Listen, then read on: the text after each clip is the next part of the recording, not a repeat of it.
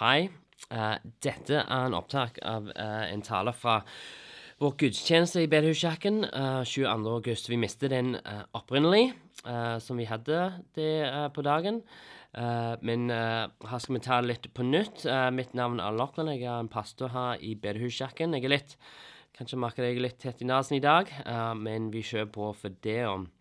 Så dette er en tale som uh, leder oss litt i den retning eh, som vi føler Gud tar oss uh, denne høsten. Jeg skal dele litt om et år eh, som er dypere røtter, uh, og hva det betyr for oss som en menighet når vi ser framover. Jeg skal dele òg litt fra Salme 1, hvis du har Bibelen med deg. Godt å ta det ut um, og åpne til det. Um, ja. Det er uh, sant for oss i Bedehuskirken. Det er litt som en ny sesong. Uh, som alle de andre har vi hatt en pause i den vanlige rytmen i vår, vårt kirkeliv vårt fellesskap og litt sånn. Uh, men nå er vi glad for å være tilbake her i sammen. Uh, på en måte er det business as usual, men samtidig uh, må vi innse at vi er i et annet sted enn vi var for 18 måneder siden. Gud har fortsatt å gjøre sitt gode arbeid i oss som enkeltpersoner, i vår familie og i vår huskirke, og som en større menighet. Gud har ledet oss videre i den gode planen han har for oss, og selvfølgelig uh, har vi hatt noen endringer på staben som også leder oss i et nytt kapittel i, vår menighetshistorie. Så i dag er det litt som å starte, starte et nytt kapittel. Uh, vi skal ikke glemme det som ligger bak oss, men uh, vi er klar til å bygge videre og fortsette historien uh, som Gud skriver her i Bedehuskirken. på DNA-samlinga i juni presenterte Kjersti et dokument som heter Scenario 2024. Eh, det er et dokument som pasteteamet sammen med ledeteamet i Bedehuskirken har jobbet sammen for å gir retning til oss som en menighet fremover de neste årene. Den uh, skisserer noen viktige områder uh, det vi ønsker å vokse, uh, være en velsignelse og produsere frukt for Guds rike. Uh, dette er blant neste generasjon, i byen vår, i menigheter, i vårt nettverk rundt her på, på, Vestlandet, og i nasjoner over hele verden. Uh, Bedehuskirken lengter etter å være en kirke som blir brukt av Gud til hans formål. Ikke for å gjøre vårt navn stå, men bare for å løfte opp hans navn og se hans rike komme til denne jorden. Men uh, mens vi søker å vokse og produsere frukt og bli brukt av Gud, uh, har vi fått et år til oss som en menighet for å minne oss om at vi ikke gjør dette i vår egen kraft. Å sikre at disse forskjellige områdene eh, vi skal investere i, er ikke bare et resultat av vår egne innsats men er et resultat av en klar avhengighet til Gud. Eh, fordi det er bare gjennom eh, en slik avhengighet til Han at frukten eh, som blir produsert, eh, vil bli varig og multiplisere. Um, så det var et ord som Andres Norli, som er leder for Ungdom i oppdrag i Norge, uh, han delte med ledergruppen uh, i Bedehuskirken uh, på et bønneretreat i fjor, som vi tror er viktig for oss. Så da leser jeg litt fra scenario 2024 om dette ord. Dette var et ord om å forberede oss på vekst, men at i tiden før dette vil vi oppleve en beskjæringstid og mulig rystelse. Dette gjør Gud med bedehuskirken for å la oss vokse innover. Å vokse innover vil si at Gud støker oss, gir oss åndelig modning og la røttene våre gå dypere for å være i stand til å bære en vekst vi tror kommer. Vi tror at det er en tid for å slå dypere røtter i relasjon til Gud.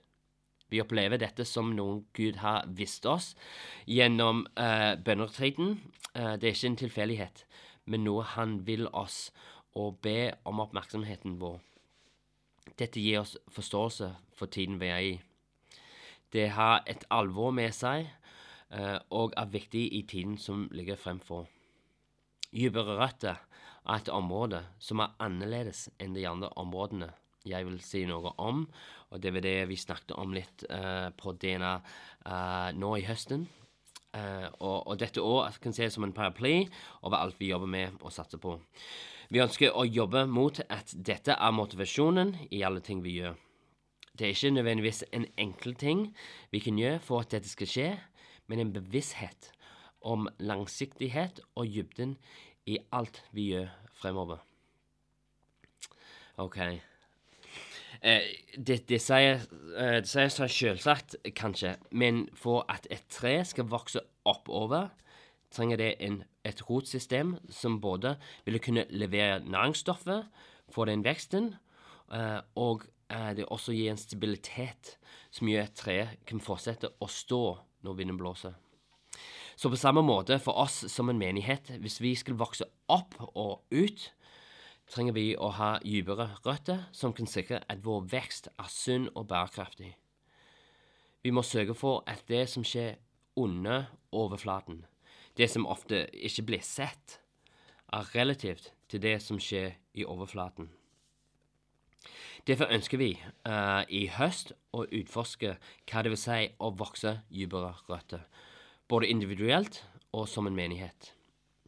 Når vi eh, justerer oss tilbake til et liv uten restriksjoner, ønsker vi å sikre at Jesus er fortsatt i sentrum av alt vi gjør her i Bedøkirken.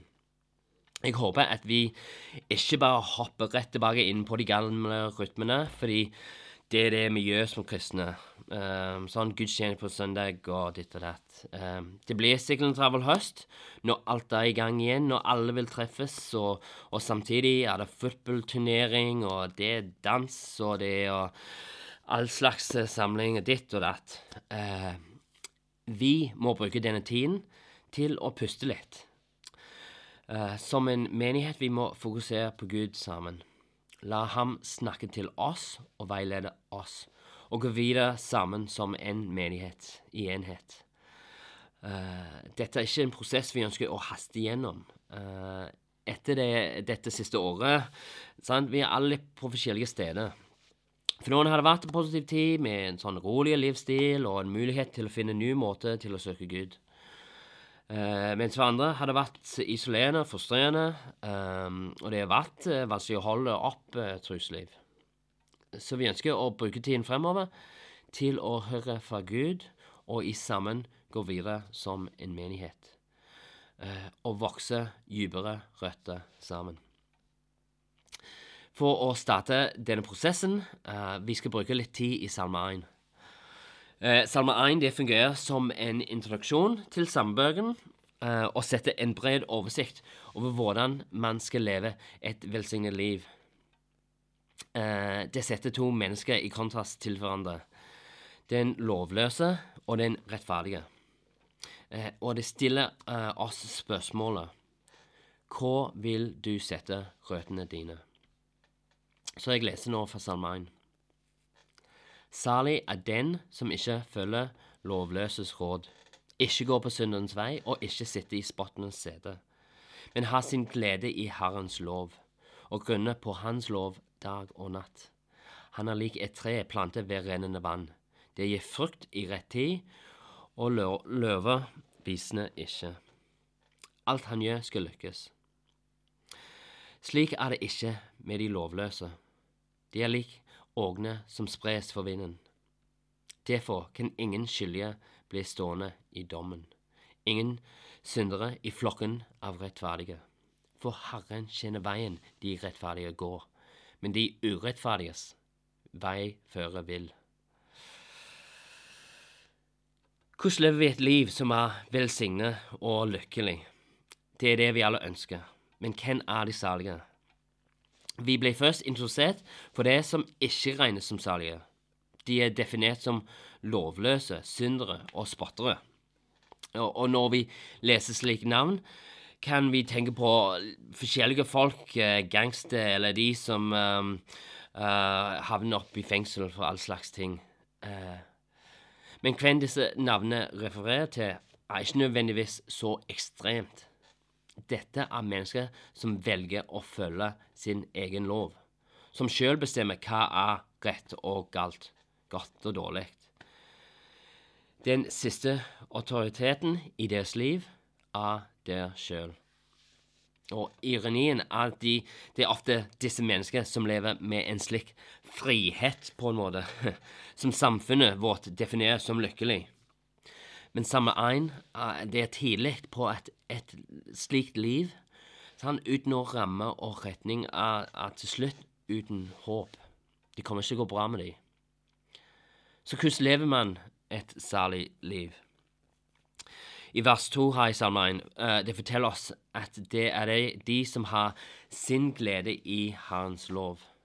De som grunner på Hans lov dag og natt. Men før vi begynner å tenke på hva det betyr, uh, jeg tror vi må kanskje definere noen ord litt bedre. Uh, for de fleste av oss. Uh, det gir ikke mening å ha ordene glede og lov i samme setning. De to pleier ikke å gå i sammen.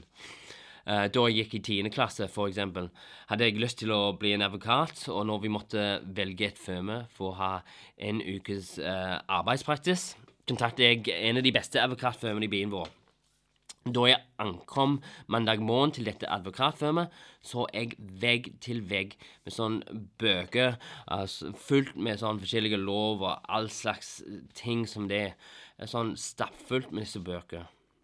Og så plutselig var jeg ikke så interessert i å bli advokat lenger. Eh, så for oss, når vi tenker på året lov, Sant? Vi tenker på alle de ting som må holde opp i samfunn, så uh, alle har det greit og, og det er ikke kaos.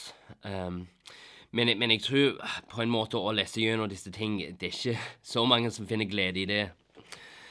Uh, og når vi tenker på israelittene sin del uh, sant? Vi tenker på de, alle disse lov vi finner i Det, de gamle testament.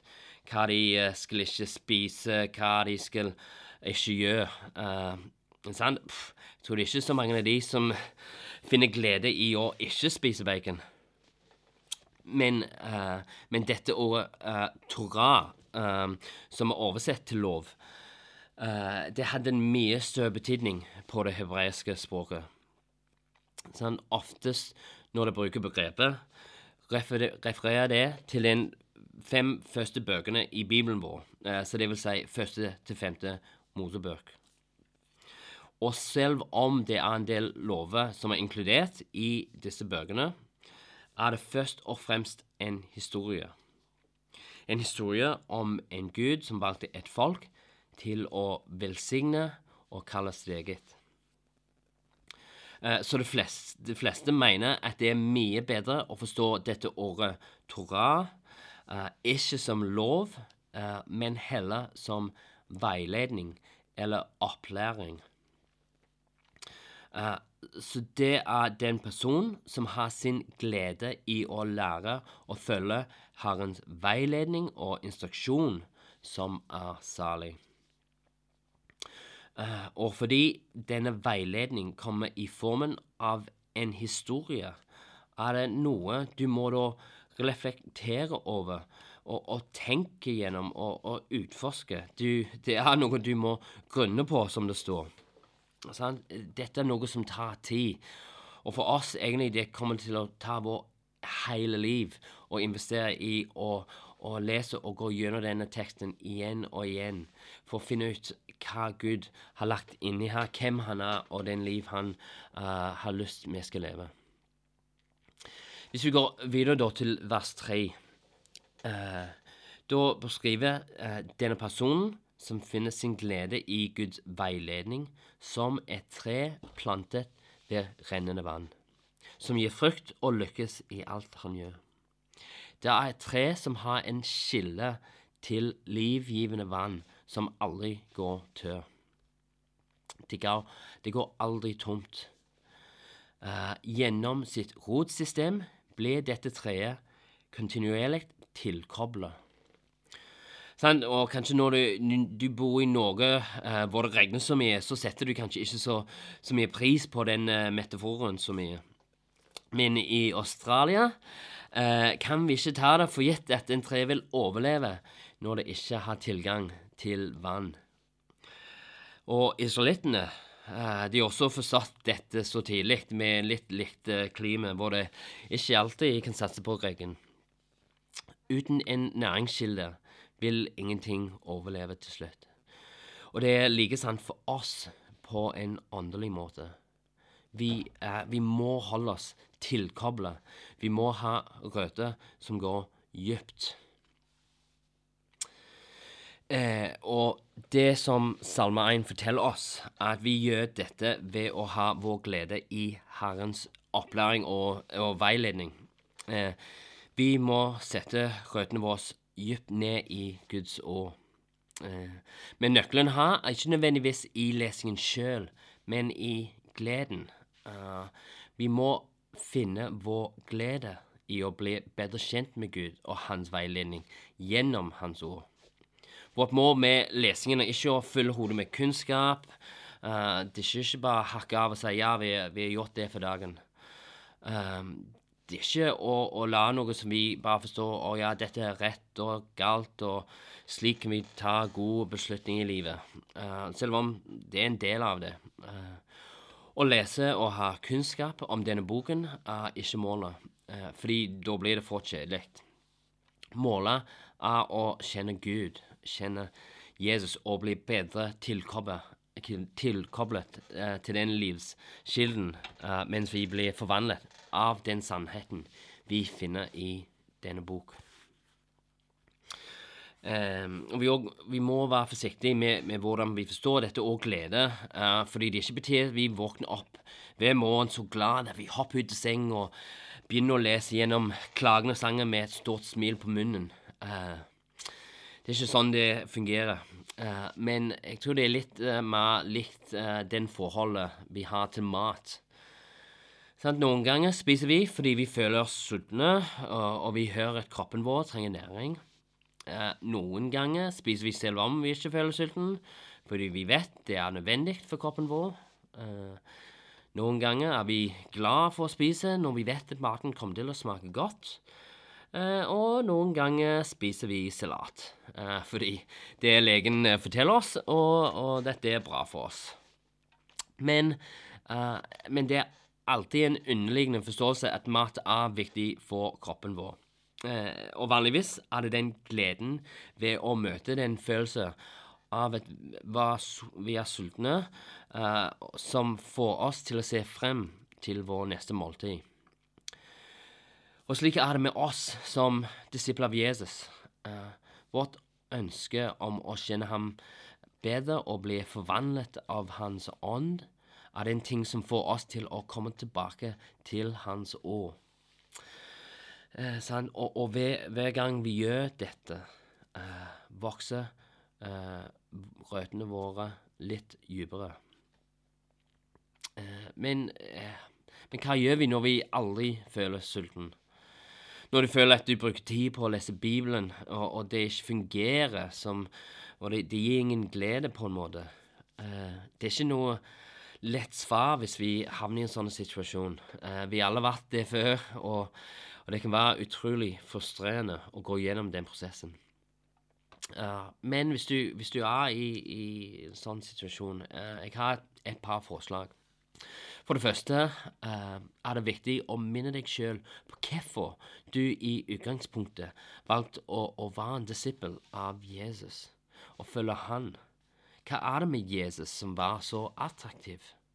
Hva er det med denne Gud som vi finner i denne boka, som på den ene siden skapte hele universet med pusten sin, og i, i tillegg kjenner han antall hår på hodet ditt? Uh, slik som galt uh, slik som Gud kalte efeserne til å vende tilbake til deres første kjærlighet i, i Johannes' åpenbaring, uh, må vi noen ganger også gå tilbake til den stedet vi først satte røttene våre ned, og tenke på hvorfor vi valgte Jesus. Uh, en andre forslag det er uh, ikke slutt å, å lese Guds ord. når eh, jeg noen ganger tenker på Bibelen, sånn, jeg lurer på hva, hva det er vi holder på med. det, det, er en merkelig bok på mange måter. Sånn, det er skrevet over tusenvis av år, eh, og det, det, er en rar samling fra en helt annen tid og kultur, med historie og instruksjoner og dikt og sanger og biografi eh, og noen brev skrevet fra en fyr til en annen. Men samtidig er det den største åpenbaringen vi har uh, av hvem Gud er. Uh, det er denne boka Gud ønsker at vi skulle ha, slik at vi kunne ha et grunnlag for vår tro og forståelse av hvem han er. Ja, og til tider kan det, det være tungt og hardt å lese og gå gjennom uh, og om igjen og om igjen. Men, men, dette er hva Gud har gitt oss. Det er denne bok vi har. Så mens vi leser, uh, vi må stole, stole, på at Gud ved sin ånd bruker sitt ord for å bringe dette livgivende vannet til oss. Selv om vi ikke alltid føler at det gjør det. Vi må stole på det, at Gud gjør noe gjennom Hans ord. Sånn, hvis du ikke har noe god rytme uh, for lesing, uh, et alternativ er å bare begynne i Samenes bok. Ta en, uh, en om dagen. og mens du gjør det, bli minnet om at i frustrasjonene og i prøvelsene Gud er fortsatt god. En annen alternativ er å bli med i, i den bibelleseplanen som vi um, har begynt med, en del av oss uh, i Bedehuskirken dette året. Uh, denne uken markerer overgangen fra Det gamle testament til Det nye testament. Uh, så du kan bare laste ned det er en app som heter Read Scripture. laste ned en app og, og følg med fra Muttes evangeliet. Men uansett hva det er, prøv å finne en rytme som fungerer for deg. Uh, men uh, det viktigste ting er å huske at vi ikke leser for lesings skyld, men fordi vi vet at her finner vi Guds veiledning. Vi finner sannhet, og vi finner det som leder oss til Hans livgivende vann.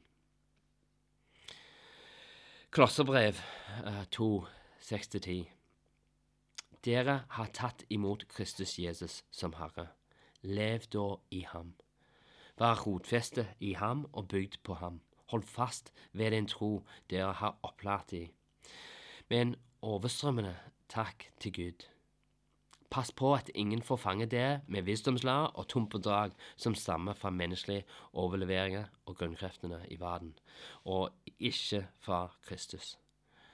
For i hans kropp bor hele guddomsfylden, og i ham, som er hodet for alle makter og åndskrefter, har dere fått denne fylden. Så når vi vokser våre røtter ned i Kristus og Hans år. vi får tilgang til den livgivende vannet for å opprettholde og, og vokse vår tro. Men samtidig, den samme rotsystem er det som gir vårt trosliv stabilitet og et solid fundament. Kjøkken i Kolossai det ble angrepet av falske lærere likt som mange av de andre kirkene i den tida. Det var forskjellige grupper med sine forvrengte sannheter som forsøkte å føre kjøkken på villspor.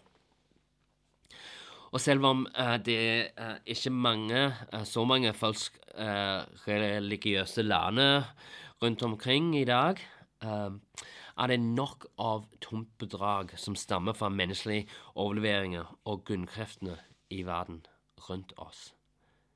Det har aldri vært viktig for oss å ha et solid grunnlag i sannheten som fins i Guds ord og, og i Jesus. Sånn, vinden har begynt å blåse i samfunnet vårt, eh, og jeg tror vi kan se at en, en storm er ikke, sannsynligvis ikke langt unna for kjøkken. Hvis vi skal stå, eh, og ikke bare stå, men å vokse og produsere frukt, må vi ha røtter som kommer til å holde oss fast. Røtter som ikke bare går dypt inn i evangeliets sannhet, men også i Guds nåde og kjærlighet. Frukten vi produserer, vil reflektere den kilden vi får vårt vann ifra. Vi må være en kirke som kan stå for Guds sannhet, uansett hva det koster. Men vi må gjøre det med en nåde og kjærlighet som reflekterer den nåden og kjærlighet Gud har vist til oss. Ok, hvis jeg skulle be deg om å tenke på røttene du har i livet ditt, som opprettholder deg, som gir deg glede, som du stoler på, som gir tilfredshet. Hvor fører røttene deg? Jeg tror for meg sjøl, og for de fleste av oss, um, at vi vil se at noen av de røttene, i alle fall, fører til, til ting som materialisme, noen til et behagelig liv, uh, kanskje noen til vår egne stolthet. Men problemet med røtter uh, er at de er skjult. Uh, for andre folk, definitivt. Men jeg tror noen ganger fra sjøl også.